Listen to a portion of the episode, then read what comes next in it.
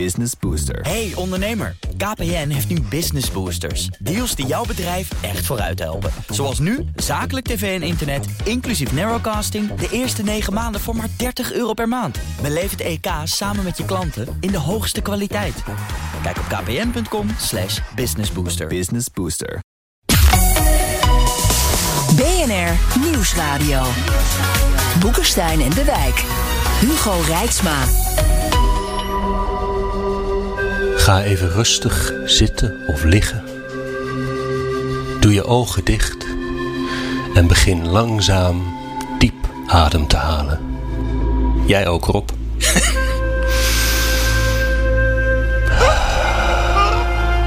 We gaan terug naar die traumatische gebeurtenis. 20 jaar geleden. Vliegtuigen boren zich doelbewust in torens van het World Trade Center. Beide gebouwen naar zware explosies ingestort. En wat je daarna hebt gezegd. Niet kan al je te in godsnaam in waardigheid eh, reageren wanneer zoiets verschrikkelijks gebeurt? Eh, je moet eh, keihard terugslaan op een gegeven ogenblik.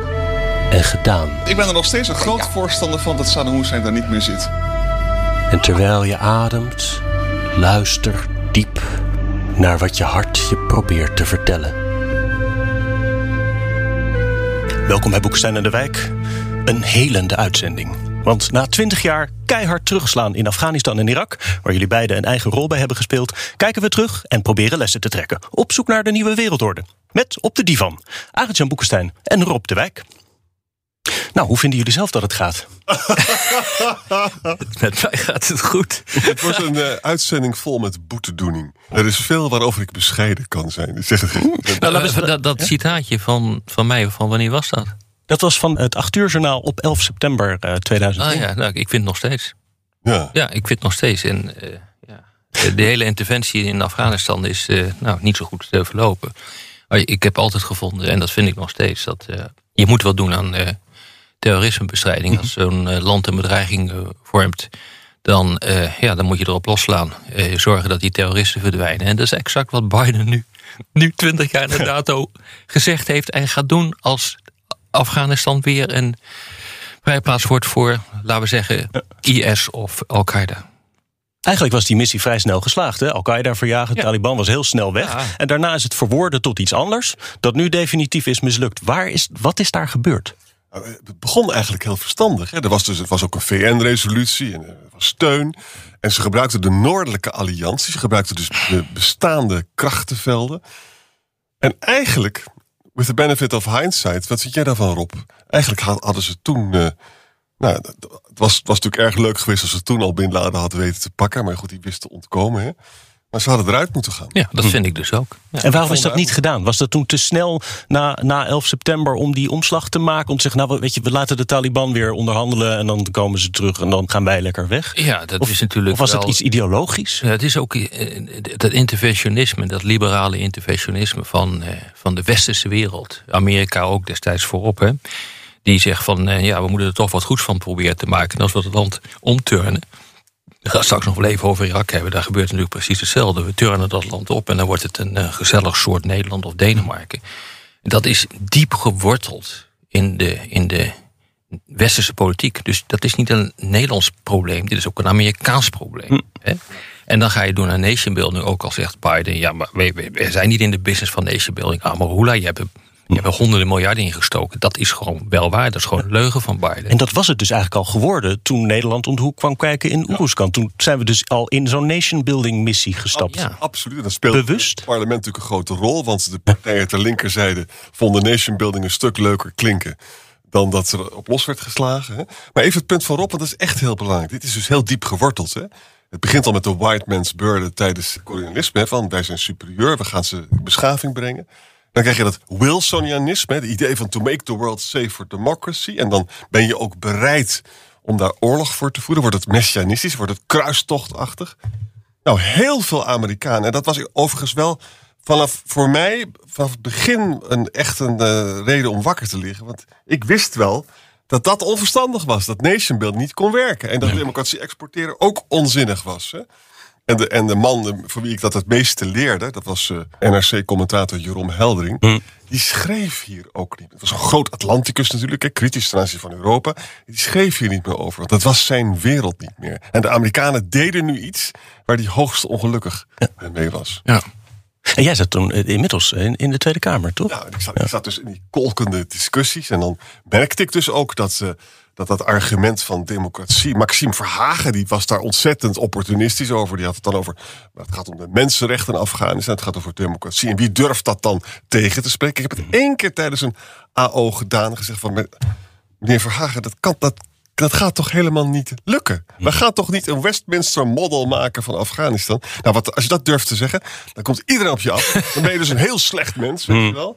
Ik heb het toen wel weten te redden. Maar dat geeft dus aan dat je dus in een tunnel zit. Hè? Ja, En ik, was, ik, was dus, ik was dus wel voor die, eh, die initiële aanval om de Taliban te verdrijven. Ja, ik ook. Maar dan moet je dus ook eh, oprotten, om het maar zo te zeggen. En het tweede moment was de eh, 2011 eh Ben Laden. Toen, nou, Dat was ook een, een exit eh, moment. Weet je wat ik het grote... Ik bedoel, dus, we liggen toch op de sofa. Ik bedoel, wat ik nou het grote probleem vind... eh, is dat je als, eh, laten we zeggen, deskundige... als ik mezelf zo mag om- omschrijven... gewoon weet dat dit fout gaat. En ik heb nog even eh, gisteravond gekeken... wat ik allemaal in de Tweede Kamer heb gezegd... tijdens al die hoorzitties. Nou, toen we naar uh, Kunduz gingen... heb ik, mijn eerste woorden waren... dat deze missie is gedoemd te mislukken. En, en op grond van gewoon je expertise kun je aangeven waar, dat die missies mislukken. Eh, Het land is te groot, je hebt te weinig middelen, eh, de politiek heeft te weinig uithoudingsvermogen. Ga zo maar door. Je verkijkt je totaal op de samenstelling van eh, Afghanistan, dus het kan niet. Het probleem vind ik continu is dat je dit ziet, je dit roept. Ik heb dat ook honderdduizend keer geroepen in de media en in, in de kranten. En er wordt geen flikker mee gedaan. En nu zit je in deze situatie. Ik, ik vind dat wel heel, ja, dat vind ik wel heel treurig. En, ehm, en ik ben niet de enige die dat geroepen heeft. Eh, een hele hoop experts die hebben dat gewoon geroepen. Van, dit kan gewoon niet. En toen we naar Ir- eh, ja, Irak gingen, eh Mersheimer, en Walt, hele beroemde hoogleraren in Amerika, die hebben gezegd: als je dit gaat doen, dat wordt eh, de ondergang van Amerika. Ja. Maar en waarom is, was de politieke afweging dan dat, dat Nederland meeging in dat nation-building verhaal? Of was het meer opportunisme dat we denken, ja, de Amerikanen beveiligen ook ons, we moeten met hen mee voor Ja, het eh, bondgenootschap? Ja, eh, Arend Jan, maar ja, weet je, eh, beide.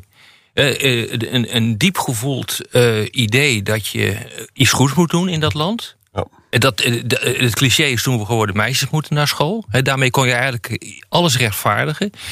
Maar tegelijkertijd, en dat is echt cruciaal... en daar komen we straks nog wel even op, eh, denk ik... dat is dat er ook een landsbelang is, ook al gaat het niet goed... en ook al weet je dat het een verloren zaak is om toch te gaan.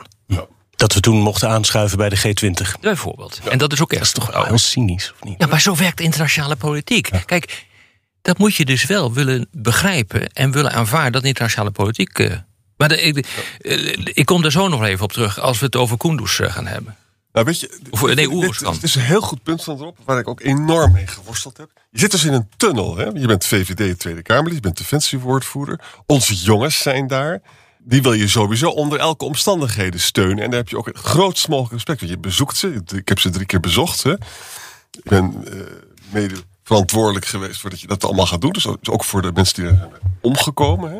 Maar later nog eh, heb ik de mensen die eh, zeer gewond zijn geraakt nog opgezocht. Dat is, allemaal- dat is allemaal nogal wat. Hè? Maar goed, nou- neem nou de punten die, die Rob terecht noemt. Hè? Van, ik had dus ook grote problemen met de gedachte dat we daar langer, dat het politiek duurzaam zou kunnen zijn om daar langer dan vier, vijf jaar te zitten. Hè? Dat wist je natuurlijk dat dat niet gaat gebeuren. En, en je wist ook dat dat dan ook niet zou lukken, toch?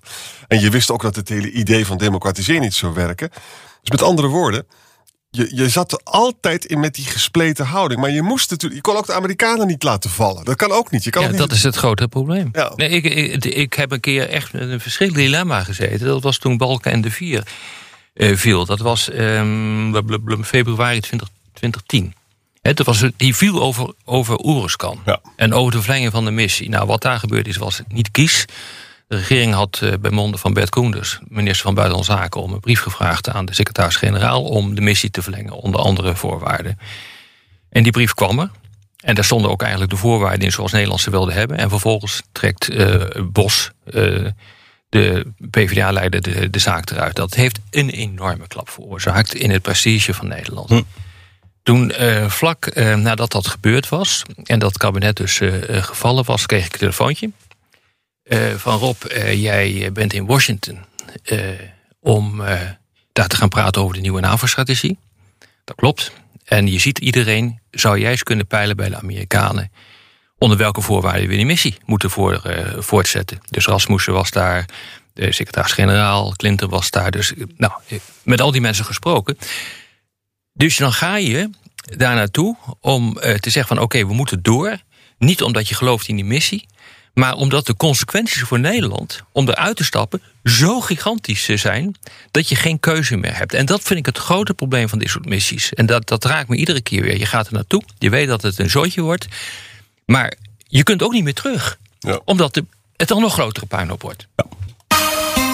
BNR Nieuwsradio. Boekenstein en de Wijk. Op zoek naar de nieuwe wereldorde. Dit is Boekenstein en de Wijk. En dat programma is natuurlijk niet zonder Arend Boekenstein en Rob de Wijk. Mijn naam is Hugo Reitsma en we hebben vandaag een therapeutische sessie. 20 jaar na 11 september.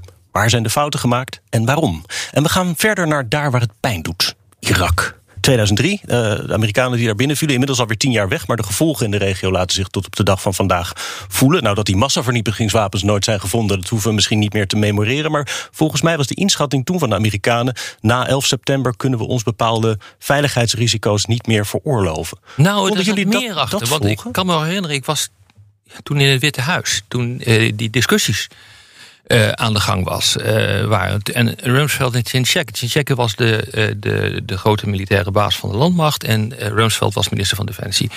Dit was een gewoon het neoconservatieve denken van, oh, we moeten die regio democratiseren, want democratie, democratieën voeren onderling een oorlog.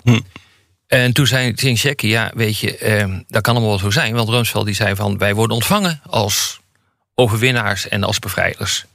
Van, eh, en zei, nee, ik heb daar gewoon 400.000, 500.000 man nodig... om dat land te kunnen eh, eh, stabiliseren. Nou, hij zei, Rumsfeld, die krijg je niet, want het, gaat, het draait gewoon door. Nou, dat is dus het echec geworden van... van eh, eh, van, Irak. Met desastreuze gevolgen. Dat, de gevolgen van Irak zijn veel en veel groter dan de gevolgen nu van, van, van die, eh, de, de uittocht uit Afghanistan. gevolg van Irak zijn dus gewoon dat Iran sterker geworden is. Dus alles, we hebben ongelooflijk veel geld daar verbrand. En dat heeft heel veel mensenlevens gekost.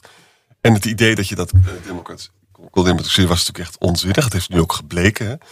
Ik heb dus die oorlog gesteund, hè, laten we wel zijn. En ik zat er goed naast. En ik heb geprobeerd te reconstrueren hoe dat nou allemaal gegaan is. In de eerste plaats is het heel vreemd dat ik het heb gesteund. Want ik kwam juist uit die school van de balance of power denken. En dan redenering van Mersheimer was van... luister, dit is een regime dat op zijn laatste benen loopt. Het heeft waarschijnlijk helemaal geen kernwapen. En dit, dit moet je gewoon indammen. En mijn eigen persoonlijke opvatting was toen van dat, dat ik vond dat die indammingsstrategie, dat daar ook gaten in zaten. Want er werden namelijk eh, werden olie eh, wordt verkocht aan, aan Rusland. En ook aan, aan, aan Frankrijk met Franse ministers, met corruptieschandalen en zo. Dus ik had het gevoel dat, die, dat dat niet meer werkte. Maar dat was natuurlijk een verkeerd argument. Want ja, dat was. Je had veel beter dat kunnen in, toch met, met die, met die, met die eh, op- suboptimale eh, indammingsstrategie door kunnen gaan. Ben je nou, ben je nou meegegaan met eh, de politieke stroom van die, van die tijd? Ja, wat, wat, ik, wat, weet je, Wat is daar nou gebeurd? Wat er dus gebeurde was dat eh, ik dacht van ik moet mijn bronnen checken en zo, want ik kan niemand vertrouwen. Dat was natuurlijk ook zo. Hè. Ik heb een beetje te veel de Wall Street Journal gelezen, bijvoorbeeld. Daar moet je vreselijk mee oppassen in het leven. En ik ben ook, toen ik zag dat de Britse denktanks, met name dat Institute for International- Affairs of Strategic Studies, die begonnen ook te zeggen van nou, het zou toch wel zo kunnen zijn dat hij toch aan een, aan een kernwapen bezig is. hè. Toen dacht ik van, nou, als zij het ook zeggen, dan durf ik het ook. Maar er was natuurlijk een totale deconfiture. En het werd alleen maar erger. Want kijk, ik was een groot bewonderaar, dat moet ik je zeggen, Rob, van Blair. En weet je waarom? Dat ik Blair zo'n ongelooflijk goed politicus vond. Zo ongelooflijk welsprekend. En ook dat hij naar Liverpool ging om die oorlog te verkopen. Hij durfde dat te doen. Nou ja, dat is wel. ja. Ja, maar achteraf gezien, we weten dus nu veel meer... Hebben, Zat die fout? zat die fout. En heeft ook de Britse geheime dienst en ook de Amerikaanse geheime dienst, een deel daarvan, hebben dus aan cherrypicking gedaan met de Ja. evidence. Maar ik weet nog wel goed uit die tijd. Je had toen die Hans Bliks, die wapeninspecteur. Die kon met alle. Het was natuurlijk een beetje problematische missen. Maar die had volgens mij toen vrij stellig. Zei hij. Nou, als er nog massavernietigingswapens zijn, kan het niet veel zijn. Ja, dat klopt. dus ja. we Nee, maar zijn er met open ingetuind. voorgelogen. Ja. hè? Colin Powell, de toenmalige minister van eh, eh, Buitenlandse Zaken, die moest eh, in de VN-veiligheidsraad eh dit met dat- allemaal met dat buisje of zo, En, hij wist dus gewoon dat hij genaaid werd. Ja. Dat wist hij. Dat, he- daar is hij nooit meer overheen gekomen, weet ik gewoon Ja. eh, uit, uit de eerste hand. Maar Irak heeft ook wat goeds gebracht. Het heeft Oh. Arend Jan en mij bij elkaar gebracht. Dat is leuk om te Nu we toch op, nu we toch op de divan liggen. Nee, Arend Jan was voor, ik was tegen. Dat hebben we in de media uitgevochten. Ja. En eh, ja, wat ik gewoon fantastisch vond, is dat Arend Jan naar me toe kwam op een gegeven moment. Hè? Ik weet niet meer precies hoe het gegaan is. Hij zei, ja, je hebt gelijk, ik niet. Eh, en de- vervolgens zijn we bevriend geraakt. Dus dat, eh, er Ja. zijn natuurlijk niet veel mensen die dat kunnen. Het Mag ik nu wel eventjes deze ene was, dat was heel bijzonder. Rob was in die tijd al heel bekend en beroemd. Er was heel veel op tv. Ik was gewoon een onbeduidend UD'tje in Utrecht. Hè. En ik begon daarover te schrijven en, en ook op de tv te verschijnen. En nou, vrij snel had ik natuurlijk wel door dat ik er hartstikke naast zat. Hè. Dus dan vond ik ook dat je daar verantwoording voor moest afleggen. Ik herinner me ook nog, toen hebben we samen... eh, ik had een artikel in, de- in, de- in, in het eh, Internationale Spectator... en jij hebt er nog op gereageerd en zo, weet je wel. En toen leerden we elkaar kennen. Was wel leuk, Jan. Dat was, en later kwam dus deze podcast daaruit. Ja, ja, ja, zo is het gebeurd. Zullen we een beetje richting lessen trekken? Hè? Want dat Ja. moet natuurlijk. eh, Ja. Ja, doe maar. nou, doe maar. Ja, weet je. Ten eerste eh, moet je je moment beter kiezen om eruit te stappen. Dat is een, echt een belangrijke eh, les. Eh, en je moet je heel goed je missiedoelen definiëren. Dus ik, ik was een voorstander van het verdrijven van de Taliban, maar ook was een tegenstander van de opbouwoperatie, want dat kon niet lukken. Dus je had er of moeten uitgaan naar het verdrijven van de Taliban, of je moet eruit gaan naar het verdrijven van, of naar het doden van Bin Laden. Eh, dat is allebei niet, eh, als dat allebei niet gebeurt. En een, een andere grote misser eh, wat er gebeurd is, is dat men eh, ehm, Pakistan eigenlijk als vrijplaats voor de Taliban heeft laten voortbestaan. Exact. Dat is een zeer, zeer grote misser eh, geweest. Hadden we die ook moeten bombarderen dan? Ja. Ja? En ja, ja, helaas wel. We hebben toch ook, we, nou ja, de- niet, niet wij, Nederland was er niet bij betrokken, maar de Verenigde Staten wel. Het Westen, als ik we zeg, dan heb ik het eigenlijk over het Westen, hebben, hebben, de Tali, hebben Al-Qaeda gebombardeerd in, in het eh, westen van, van Pakistan. Ja. En ja, dan eh, schreeuwt natuurlijk de regering van Pakistan moord en brand. Ja. Eh, maar goed, zo is het nu eenmaal. Maar ja, je moet je echt gewoon, echt die wederopbouwmissies. Ik denk echt dat dat iets van, van de voorbije tijd is. Dat, je krijgt geen mandaten meer van de Veiligheidsraad, want de Chinezen en de Russen blokkeren dat. Dus het worden dan illegale inter- interventies formeel. Eh, ik denk dat we nu eindelijk wel onze lessen hebben geleerd dat we dit soort dingen op deze manier niet meer moeten doen. Dat denk ik ook. Ik herinner me opeens dat, eh, weet je, als Kamerlid werk je heel hard. Dat je rent van de ene zaal naar de andere. En op een gegeven moment was er, en mijn assistent was er erg van onder de indruk, weet ik nog. Er was een onderminister van Buitenlandse Zaken, een Amerikaanse. En die had één keer met me gesproken over Pakistan. En, ook, en die kwam later nog weer terug. Omdat, en hij vertelde, ik kwam bij jou terug omdat jij de enige bent die een totaal ander verhaal over Pakistan en Afghanistan. heeft. Jij gelooft niet in democratie. En dit was dus ook echt een Wilsonianist. Een hele intelligente man. Maar hij meende dus echt ook dat Pakistan gedemocratiseerd moest worden. En, en dat we dus de, geen zaken konden doen met, de- met de slechte mannen en zo. En ik had daar dus een heel ander verhaal over. En toen kwam hij dus terug om er nog een keer over te praten. Dus dan zie je dus hoe, hoe mensen in bubbels eh, verkeren. Maar de lessen is inderdaad: ga nooit meer in een land eh, eh, interveneren als de omringende landen allemaal zelf ook interveneren. Vervolgens ook geloof niet dat je echt ergens je democratie kan exporteren. Dat kan alleen maar als dat van onderop ook wordt gevoeld. Hè. Je kan het wel doen op hele kleine schaal. Jij noemde Sierra Leone. Sierra Leone is een heel klein land. Er zijn de Britten zijn daar ingetrokken en die hebben dat orde op zaken gesteld. Dat is betrekkelijk goed gelukt. Geef de dra- leiders een draai om hun oren. En Ja. eh, Ja. ja. Eh, maar maar eh, in Afghanistan met al die bergen waar je dus. De geografie is hier belangrijk. Hè? Ja. Ook, de, ook de, die, die corridor van Afghanistan naar, naar, naar, Pakistan. Het is natuurlijk ramp. Als je er overheen vliegt, hè, ah, Jan, jij bent er ook geweest. Ja. Dan weet je gewoon, dit gaat nooit lukken. Dit gaat Dat gaat nooit lukken. Het is een turbo-Zwitserland. Ja, maar dus de belangrijke lessen, maar past die eens toe op? Want kijk, die, die oorlog tegen het terrorisme is natuurlijk nog niet voorbij. Nou, Taliban die is is- terug, Al-Qaeda bestaat nog, IS. Dus hoe ga je dat dan Ja, dat is wel een verder doen? succes geworden. Kijk, eh, van het erop losslaan, waar die, die quote eh, van 20 jaar geleden van mij, dat hebben we natuurlijk gedaan met IS. Dat is aardig gelukt, moet ik zeggen. Want dat kalifaat dat is eh, ten gronde gegaan. IS is niet verdreven, maar eh, datzelfde geldt ook voor Al-Qaeda. Die is eh, ook kapot gebombardeerd. Ik begrijp best wel dat die organisatie daarna fragmenteert over de hele wereld. Maar het is niet meer, laten we zeggen, de strategische dreiging van wel eer. Dus een, een 9-11 is niet zo denkbaar meer als 20 jaar geleden. Eh, eh, bovendien zie je dat er hele grote eh, aanslagen, zeker in het Westen, eigenlijk niet meer voorkomen. De inlichtingendiensten zijn veel beter geëquipeerd hiervoor. En wat je ziet is dat in de loop van de tijd het terrorisme hier in het Westen is afge, afgedwaald naar mannen met messen. Ik bedoel, nog steeds heel verschrikkelijk, maar het is echt wat anders dan, dan 11 september 2001. Ja. En, en dus in die zin is die strijd tegen het terrorisme wel degelijk succesvol geweest. Maar wat ik me wel afvraag is... Kijk, dat- die hele term war on terror is misleidend. Het is helemaal geen klassieke oorlogssituatie. Het is gewoon, je probeert eh, gevaarlijke mensen uit te schakelen. Laat ik maar gewoon zeggen waar het op Ja. komt. Waar ik me zorgen over maak is Afrika. Ja. In Afrika zie je dus echt veel meer jihadistische groepen. In de Sahel, ja. En ik sluit niet ook uit dat daar hebben ze veel ruimte. De Fransen zijn moe, hè? die vragen steeds onze hulp en dit willen wij niet geven. Kunnen wij in Afrika het redden met een louter militaire strategie? Nou, je hebt denk ik geen andere keus. Ja, Dat dat is en eh, eh, ja, we zaten en, eh, ik was bij die, eh, die herdenking eh, eh, in de Grote Kerk. 11 september herdenking. 11 september herdenking georganiseerd door de Amerikanen met Rutte erbij. En eh, daar ging het natuurlijk ook even over hè, in de wandelgangen. Van hoe doen we dat? Nou, ik bedoel, het, het beeld wat daar bij mij naar voren kwam is... ja, inderdaad, we gaan er niet meer in met grondtroepen. Maar we, gaan er, we pakken drones, vliegtuigen en eh, we bombarderen ze kapot. Ik bedoel, dat is ongeveer hè, echt even... Nou ja, wat Biden ook heeft eh, gezegd. En dat doe je van, niet vanuit het land zelf, maar vanuit buurlanden. Nou, dat is denk ik wat er, eh, wat er nu gaat gebeuren. En dat betekent ook dat je fouten daarbij maakt. Oh ja, zeker. Oh, oh, zeker. Want het onderscheid tussen de Taliban en een burger is bijna niet te maken. Ze zien er allemaal hetzelfde uit. Ja. En dan was het contraproductief. Ja. Maar goed, hier is het wel weer de belangrijke opmerking van...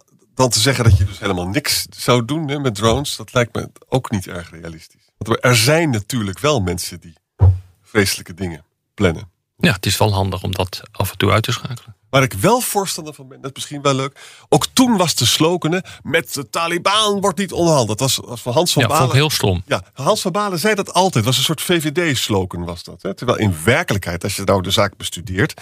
delen van de Taliban hadden we natuurlijk wel power sharing mee Ja. kunnen doen. Hetzelfde geldt voor de moslimbroederschap in Egypte. Het was niet één monolithisch blok. En ik zie dat dus nu weer ook met de reactie van professor Elian... Hè, van niet met de Taliban gaan praten... vind ik heel ideologisch. Ja. Terwijl juist vanuit de klassieke balance of power... Ja, moet. Kissinger, Heldering, hè, dan moet je dus wel met de minst erge schurken praten en die aan je kant zien te krijgen. Dat is een verstandiger methode Ja. dan de ideologie. Maar dan moet je dus ook wat van jezelf opgeven. En daar hebben we heel veel moeite mee. Omdat Ja. we er zo ideologisch in staan. En daarmee Exact. zijn we weer terug bij de discussie. Het is Ja. gewoon ideologie in belangrijke mate. Maar ideologie leidt tot doden. Moeten mensen gaan beseffen. Ja, we hebben de wereld toch helemaal opgelost. Dan eh, ronden we af. Althans op de radio. Maar in de podcast gaan we door met luisteraarsvragen. Luistert u op de radio, dan verwijs ik naar Apple Podcast, Spotify of boekensteinendewijk.nl. Jean gaat er stevig in vandaag. Die zegt de VS zijn verwoorden tot misschien nog net geen oorlogsmisdadigers... en alle ondersteunende NAVO-leden tot collaborateurs. Wie wil er voor zijn goed fatsoen vriendjes van een bully zijn? En helemaal in Afghanistan, militair vernederd... door een stelletje boeren lopend op flipflops. Nou, die flipflops, ja, dat, eh, dat klopt in ieder geval wel. Maar wat is nou het punt? Mogen we nou niet eh, bevriend zijn met de Verenigde Staten of met de Taliban? Wat is nou eigenlijk de van deze vraag? Hij zegt dus letterlijk... Het is niet echt een vraag. Kunnen de Amerikanen bevriend zijn. Nou, wat je op deze manier zou kunnen zeggen is van... luister eens, we hebben niet zo vreselijk veel te willen in dit. Wij zijn een klein land, we hebben niet zoveel macht. En alleen al daarom zou je je op het Westen moeten richten. Of simpelweg om je eigen belangen te beschermen. Als u daar niet in gelooft, dan gelooft u niet in macht. Maar macht bestaat echt. En, het, en, en, en machtsonevenwicht leidt Ja. tot doden en tot oorlog. En dat wil ik voorkomen. In, in die zin is het natuurlijk een aardige opmerking, want het is kennelijk geen vraag. Eh, maar daaruit blijkt dus ook eh, die illogische en die morele component die er inderdaad continu in zit in al die eh, discussies. Precies wat Aart Jan zegt, je hebt niet zoveel te willen. Nederland is, in tegenstelling tot wat veel mensen denken, niet het centrum van de wereld. Wij hebben niet de mogelijkheid om de wereld naar ons hand te zetten. Ook al denken we dat vaak wel. En dat besef eh, moet ook ten grondslag liggen aan een hele realistische politiek. En dat betekent inderdaad dat je, dat je soms zaken moet gaan doen met mensen eh, waar je niet van houdt. En waar je ook nooit van zult houden. Maar in het kader van je eigen belangen, voor je eigen stabiliteit, voor je eigen economische veiligheid, heb je gewoon geen keus. Ter wille van het machtsevenwicht. Ja. En als er machtsevenwicht is, dan is er geen oorlog. Dan is de prijs voor oorlog te groot. Dus de, de balance of power heeft wel degelijk ook positief effect. eh, Heeft ook een moreel component. Dick Zwijnenburg heeft steeds het idee gehad dat de jacht op Saddam en de vermeende weapons of mass destruction vooral door de Engelsen en Blair werden opgepompt. De Engelsen hebben daar natuurlijk ook een lang verleden. Klopt dat? Zowel de Amerikaanse geheimdienst, maar zeker ook Rumsfeld natuurlijk. Hè. Maar ook de, de Britse geheimdienst, althans delen ervan. hè. De anderen waren vreselijk boos dat het gebeurde. En Blair moet ervan geweten hebben dat ze aan cherry Maar weet je, Blair is een, is een, is een christen, hè? En die zat er heel eh, religieus ook in. Hij vond Saddam Hussein een verschrikkelijke man. Wat, hij- wat hij natuurlijk ook was. En, en de special relationship with, En- eh, met, met Amerika. Ja. Ja. Echt een bijzondere band met Amerika die hierdoor onderstreept werd. En ik vind het overigens nog steeds ongelooflijk jammer dat Blair door deze koei van een fouten in de Britse politiek zo'n zwakke rol is gaan spelen. Omdat hij namelijk, het is gewoon een hele intelligente man. En een goede premier was het. Op dit punt niet. Ja. En, en ook eh, over Europa zegt hij altijd hele verstandige dingen. Hij was anti-Brexit en zo. Maar hij heeft, hier is dus, dus- dat is een enorme tragedie wat er met Blair is gebeurd. Hè? Michael Roelof vraagt over Afghanistan. Wat was volgens jullie het juiste moment om de missie te beëindigen? Nou, dat hebben we eigenlijk gezegd. 2003, misschien Nou, 2011. ik- dat eh. speelde toen wel, hè? want ehm, eh, ik herinner me nog eh, met. Dus vertrek van de Ba- Taliban was er één. En Ben Laden was een ander exitmoment. En ik was toen in Afghanistan. Er is ook echt zeer nadrukkelijk over gesproken. Ja, ja. Ik herinner me nog discussies, ook met generaal Mc- McRaven, de grote leider van de operatie. Daar ging het hier ook over, van ja, wat doen we nou als, eh, als we eh, hebben afgerekend met, eh, met, met Bin Laden? En daar kwam niet echt een antwoord op. Ja. Dus je, dat was echt gespleten. Dus je had een groep die zei van, ja, dan moeten we weg zien te komen. En een andere groep die zei, nee, nee, we moeten echt hier doorgaan. Want, en dan krijg je dus die discussie. Er blijft nog, eh, er blijft nog Al-Qaeda over, dus we moeten iets. En eh, je weet nooit wat er dan gaat gebeuren. Dus we moeten de druk op de ketel houden. Ik was toen wel een voorstander van om gewoon eh, er een punt achter te zetten. Inpakken en wegwezen. Ja. Ik, ik wou, als Kamerlid kwamen mensen naar mij toe, hele intelligente mensen. En die praten. We moeten er gewoon weg zien te komen. En raketten erop als het misgaat. Hè? Dat klonk toen allemaal heel verschrikkelijk. Maar dat gaat nu gebeuren. En maar dat was. Er waren misschien wel minder doden gevallen als we het zo hadden gedaan. Ja, wat, wat, wat we nu zijn we dus met dat, eh, de, de 3D-benadering, weet je nog? Ja, dat je dus iets opbouwt en daarmee zou je veiligheid komen. En daar komt ontwikkelingssamenwerking. Zo. En we weten dus nu achteraf dat al die verhalen. Prachtig hoor, maar dan moet je er 100 jaar blijven. Hè? En dat, eh, dat, dat gaan democratieën niet betalen. Over Irak vraagt eh Michael ook nog of een rol speelde dat Bush junior het werk van zijn vader wilde opknappen. Ja, dat is wel eens gezegd. Maar volgens mij is dat, eh, is dat niet zo. De verschillen tussen Bush junior en Bush senior kunnen niet groter zijn. Eh. Bush eh, senior was een man met een, een achtergrond in de inlichtingendiensten. Die wist echt waar hij het over had. Bush junior die wist heel veel van drank, maar wist niet veel van, Ja. van internationale politiek. En. En, en realiseer, dat was de tijd. dat was de tijd. Eh, waarin er, eh, er sprake was van de opkomst van de neoconservatieven. En die hadden een heel somber wereldbeeld. Van, oh jee, gloom en doom in de wereld. Tegelijk, en tegelijkertijd een heel optimistisch wereldbeeld. Dat je door democratie te brengen de boel kunt veranderen. Dat, dat neo- neoconservatisme, onder leiding ook van mensen als Cheney en Wolfowitz. Dat is in zeer belangrijke mate eh, verantwoordelijk voor, eh, voor wat er gebeurd is. En realiseer je dat de echte minister van, buitenland, van het buitenlandbeleid, dat was Cheney en niet Bush. Exact. En, en, en Rob noemt een heel belangrijk punt. Hè. Bush senior trok niet Irak verder Ja. had het kunnen doen. Omdat hij een balance of power denker was. Als ik Irak verzwak daarmee, dan wordt Iran sterker. En ik heb liever dat, ik, dat Irak en Iran elkaar in het mandje eh, indammen. En dat, dat was veel beter geweest. Kijk naar de situatie nu, hoe, sterk we Iran hebben gemaakt hiermee. Reinoud zegt... opbouwmissies waren eufemisme en politiek correcte bewoordingen voor oorlog voeren. Schooltjes schilderen doe je niet met een 500 ponder en een panzerhouwitser. Wat heeft de Nederlandse krijgsmacht gehad of geleerd... van operationeel optreden van deze missies... behalve de nu uitgeholde organisatie? We hebben al Nou, dat is politieke een goed, lessen een goed punt. maar dus- eh, eh, laten we zeggen, wat er in, eh in geleerd is, is dat eh, op microniveau die 3D-benadering van defensie, diplomatie en opbouw. dat die best wel werkt. En eh eh, eh, Koen- eh, Oeruzkan was ook een van de voorbeelden binnen Afghanistan. waar je in staat was, ook als militair toch enigszins de bevolking naar je toe te trekken. goede dingen te doen door middel van allerlei externe organisaties. En ervoor te zorgen dat er, een, ja, dat er wat gebeurde in die, in die, eh, in die provincie. Ik bedoel, Ja, we hebben daar veel te kort gezeten als Nederland. Eh, maar dat, dat is ook niet helemaal mislukt. Ik bedoel, het mislukt iedere keer omdat je de boel eruit trekt. Of zoals in, eh in, in Kunduz in het, in het noorden. totaal krankzinnige eisen stelt als politiek. Waardoor de hele missie eigenlijk bij voorbaat gedoemd is te mislukken. Dus, ehm, ja, dus Oeruzkan wordt nog steeds gezien als een, als een voorbeeld van hoe je dit zou kunnen doen. Maar dan moet je er wel 100 jaar zitten, bij wijze van spreken. Ja. En ook daar hebben we fouten gemaakt. Het is wel leuk om te vertellen. Van, op een gegeven moment werd Ben Bot, minister van Buitenlandse Zaken. En binnen Oeruzkan had, was dus eh Mohammed Khan een hele belangrijke man. En Mohammed Khan had een eigen militie. En, en het was volstrekt duidelijk, als je dus een balance of power denkt, die moest dan aan de Nederlandse kant staan. Maar hij deed ook hele kwalijke dingen. En Ben Bot kon dat niet eh, accepteren. Ja. En die heeft dat dus toen afgesloten. En dat heeft onze politie daar verzwakt.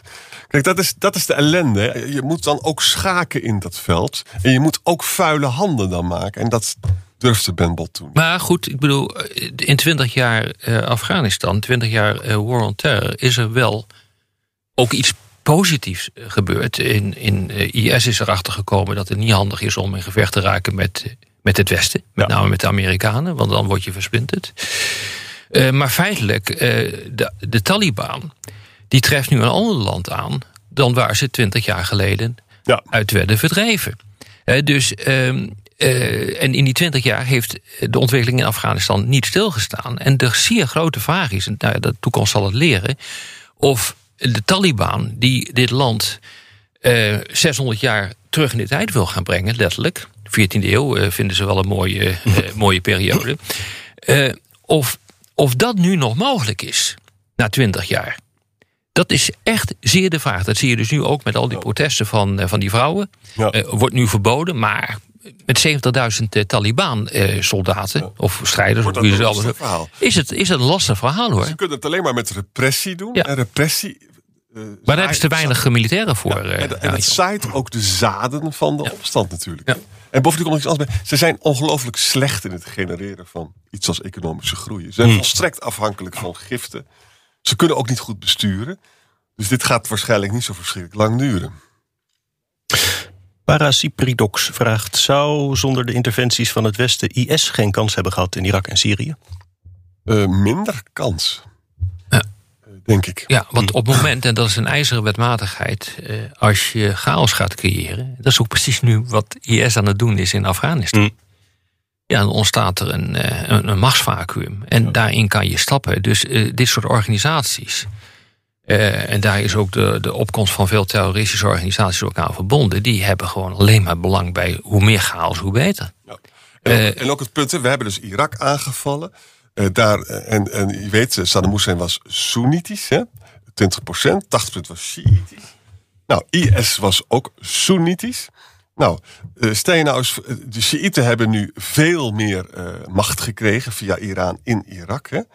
Dat betekent dus dat een, een Soeniet wordt door de Shiïtische meerderheidsregering in, in Irak heel slecht behandeld. Dus die heeft alle reden eh, om dan maar zich bij IS aan te sluiten. Maar, maar ik weet niet hoe jij erover denkt, maar ik vind dit gewoon ook wel persoonlijk een probleem hoor. Ik bedoel, dit is allemaal zichtbaar. Dit is allemaal redelijk voorspelbaar hoe dit uh, gaat, uh, gaat verlopen. En waarom zijn politieke leiders nou toch zo, nou, toch zo blind op, op dit punt? Nou ja, we hebben het er al eerder over gehad. Maar ik denk dat dat een frustratie is. Ja, ik kan niet namens aan Jan spreken, maar het is in ieder geval een frustratie voor mij. dat dat gewoon maar door blijft lopen. En dat keer op keer dezelfde fouten worden gemaakt omdat we het dit keer anders gaan doen. Maar dit keer anders doen we het helemaal niet. Zelfs in één familie. Bush senior en Bush. Ja.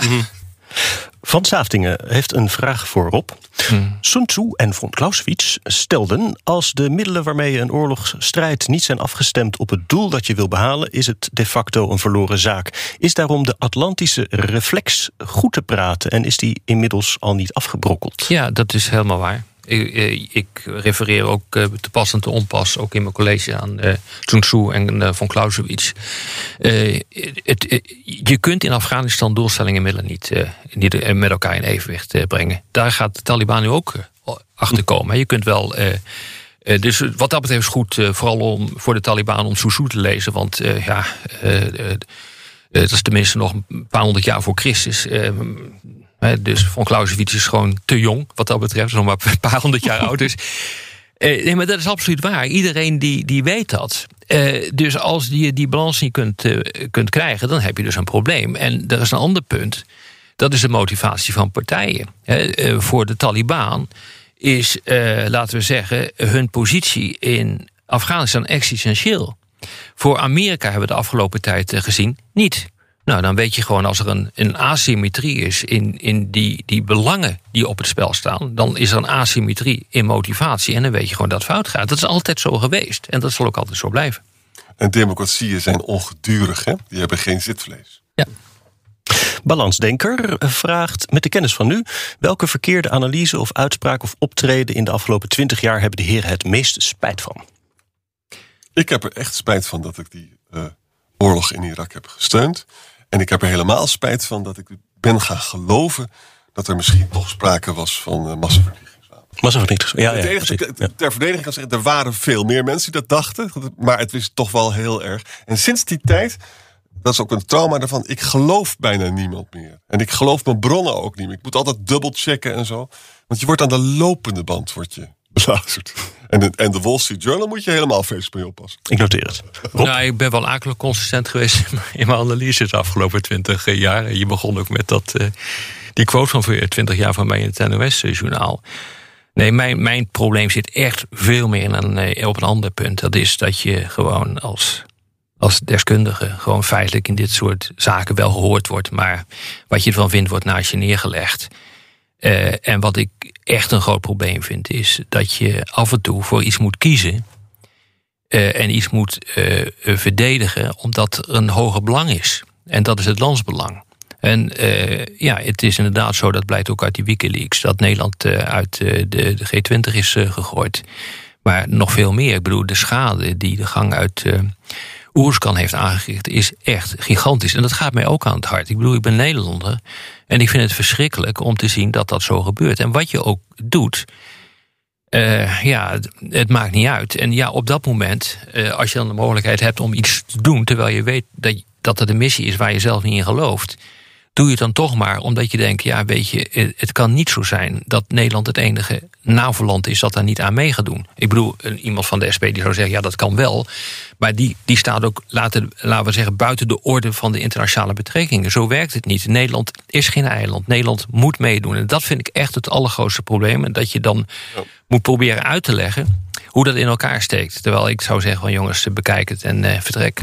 Rob, nog één ding. Van, jij zegt altijd heel erg terecht, van de meeste interventies mislukken. Ja. dat is een hele goede Alleen in kleine landen mis, uh, ja. lukken ze. Ja. Dat betekent niet dat je tegen elke interventie bent. Nee. En dat betekent ook niet dat je niet voor een sterke krijgsmacht zou zijn. Dat, dat zouden mensen namelijk niet eens. Ik, ik, ik, daarom zeg ik ook, ik ben tegen vrijwel alle interventies geweest van... Uh, uh, behalve de interventie om de Taliban in 2001 te verdrijven. Daar was ik voor. Uh, ik was tegen de wederopbouwmissie, maar ik was ook tegen Irak. Ik was tegen Libië. Het interessante is, en dat vind ik ook echt persoonlijk een probleem... dat als je uitlegt hoe het werkt...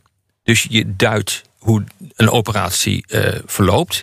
eh, dan word je al heel snel in de discussies, in de openbare discussies, weggezet als iemand die die operatie steunt. En dat is dus niet zo. Eh, Dus eh, de, de, de, de- je, de, je kan dus. Er, er wordt nauwelijks een, een onderscheid eh, gemaakt tussen, eh, laten we zeggen, eh, je visie als deskundige en je duiding die je eraan geeft en wat je er zelf van vindt. Dat moet je echt kunnen lostrekken. En dat gebeurt, vind ik, veel te weinig in, Ja. in de discussies. En bij Libië had ik dus echt mijn les geleerd. Dat zag je dus alles misgaan. 2010, 11. Echt ongelooflijk. Ja. We gingen daar dus in en dan regime eh, change werd het, eh, uiteindelijk ook niet gesteund. En dan gaan we er weer uit. En kijk eens de- naar de situatie in Libië nu. Hè? Warlords die elkaar in een evenwicht houden. Echt rampzalig. Maar goed, dus jij had toen wel die les geleerd, maar de, de wereld kennelijk nog niet. Want die maakte er in, in 2011 dezelfde Ja, puinhoop dat van in Libië. geldt, gold ook voor Syrië. hè. Ik, ik, ik heb daar ook opmerkingen over gemaakt. En ook over de Arabische lente. Die, ik zie, jongens, dit is geen lente. Dit heeft gewoon te maken met de opkomst van China. Hoge grondstoffenprijzen. Daarom gaan mensen de straat op. Nee, het is eh, zo. En dat was ook echt gewoon in, ook in alle praatprogramma's. eh, zo dat eh, het hier gaat om mensen die verlangen naar vrijheid en democratie. Dat was lulkoek. Dat was niet zo. Die, die zijn er wel, die mensen. Maar dat was niet de aanleiding. Nou, dat hebben we toen gehad met eh, Syrië. Nou, eh, het gevolg daarvan was is dat ik jarenlang ook zeg maar gebanden ben uit discussies, ook in praatprogramma's. Dat heeft mij zeer gestoken, omdat ik denk van godver, godver, waarom gebeurt dit? Waarom kun je niet een normale zakelijke discussie hierover hebben? Waarom moet dat allemaal zo ideologisch zijn? En waarom zijn meningen en overtuigingen belangrijker dan feiten? Dat heeft mij zeer gestoord. En in Syrië hebben we natuurlijk in zoverre de les gedaan dat we, dat we heel weinig hebben gedaan. We hebben de verkeerde groepen gesteund, ook daar ging het ook weer mis. Maar we hebben niet echt geïnterveneerd. Hè. En dat was ook een totale ramp geworden. Trieste is wel, de complexiteit is wel het feit dat we daar niet zoveel hebben gedaan. En wat gedaan fout is, dat zal ons ook weer worden nagedragen. Dus, maar ik, mijn standpunt is wel, als je interveneert, dan moeten echt alle stoplichten op groen zijn. Hè? En, en, en, moet je, kan- en ook een exit-strategie. En dan soms moet je het doen. Meestal niet. Nu hebben de Russen geïnterveneerd, hè? Ja. Met hele eenvoudige middelen. Ja, en ze zijn zeer succesvol. En zeer succesvol. Dat is nou echt de realpolitiek wat de Russen doen. Dat Ik vind het niet fijn, maar het, is, het werkt wel. Ja, dus onze interventie in Irak heeft Iran sterker gemaakt. Onze niet-interventie in Syrië heeft dus Rusland het machtsvacuum doen opvullen. En op zichzelf genomen is dat niet in ons belang. Maar Ja. goed, het is heel complex. Tot slot nog even eh, van Balansdenker de vraag... zal 9-11 de geschiedenis ingaan als het startpunt van het verval van het Westen... of valt het in historisch perspectief nog mee? Nee, maar dat verval van het Westen is al jarenlang aan de gang. Al decennia aan, aan de gang. En dat heeft gewoon te maken met het feit dat, eh, eh, dat supermachten een, een levensduur hebben van een jaar of tachtig. En dan houdt het op en dan komt er een ander land op. Dat is altijd wel zo geweest in de geschiedenis. Dit, dit duurt niet eeuwig door. Ik denk dat niet Afghanistan, maar Irak is een kantelmoment eh, eh, geweest. En dat is ook door, eh, door mijn eh, en door Jans collega's in, in Amerika is dat gewoon keurig voorspeld. Dus dat is ook. Mersheimer. En eh, die, hebben dat, die hebben dat keurig voorspeld. Dus het is. eh, ehm, het is, het is overmoed geweest van, van, van, van Bush, zoals die daarop gereageerd heeft. Hubris, ja. Het- niet zien van de werkelijke situatie, denken dat je supermachtig bent en in feite verder springt dan je polstok lang, lang is. Ja, dus de- in die zin is Afghanistan wel het, het zoveelste voorbeeld van een supermacht die gewoon eigenlijk zichzelf ja, overschreeuwd heeft. Ja. En het trieste van deze hele ontwikkeling is dat we dus nu naar een wereld gaan. Het, het, het verval van het Westen gaat alleen maar door. Hè? Er zijn nu nieuwe spelers, grote spelers, en die hebben andere waarden en normen dan wij. Maar, maar het meest interessante is dat we weer terug bij af zijn. Ja. Want realiseer je dat in april 2001, dus een half jaar, minder dan een half jaar voordat eh, die verschrikkelijke aanslagen plaatsvonden, er een enorm incident geweest is tussen een Chinees eh, gevechtsvliegtuig en een Amerikaans eh, spionagevliegtuig. Oh ja. Dat is een botsing geweest eh, voor de kust van, eh, van China. tussen die twee vliegtuigen. Het Amerikaanse vliegtuig is op, aan land gezet. Ja, ja. En het ging alleen maar over China. Bush' prioriteit was China. Niet iets anders. China was de enige prioriteit omdat dat land opkwam. Ja. En nu, twintig jaar later, is China volgens eh, Biden een van de belangrijkste redenen om uit Afghanistan te gaan. Dus de continuïteit in de geschiedenis is enorm. En in die zin is Afghanistan de war on terror, de, de periode van, laten we zeggen, 9-11 tot nu, is dat, eh, ja, eh, wie was het? Uh, Zhou die zei: het is te vroeg. De Chinese minister van Buitenlandse Zaken. Het is te vroeg om uh, nu duiding te geven over de Franse Revolutie. Terwijl die toch meer dan 200 jaar geleden plaats had gevonden. Dus dit is ook wel te vroeg. Maar ik denk dat als de geschiedenis ons gelijk gaat geven. dan is de war on terror niet meer dan een aberratie geweest. in een ontwikkeling uh, die, die er was. En het heeft een aantal dingen geaccelereerd die toch een gaande was. En een van de theoretische mogelijkheden is dus dat uh, het Westen helemaal uit elkaar gaat vallen als de Amerikanen ons dwingt in een verkeerde oorlog met China om de verkeerde ja, redenen. Die kans is vrij groot. Ja, en als wij dan een renversement des alliances, als wij dan met China gaan zijn, moet je even voorstellen. Dan krijgen we een leuke podcast hier. dan hebben we een hele hoop te becommentariëren. Nou, we kunnen nog jaren doorgaan. Ontdek dat je na iedere ademhaling meer rust voelt in jezelf. Dit was weer Boekenstein uit de Wijk. Namens Arend Boekenstein en Rob de Wijk zeg ik dank voor het luisteren. Speciale dank voor jullie openheid, heren. En tot volgende week. Stel je voor dat je in een weide ligt. In het gras. Tussen heel veel prachtige wilde bloemen.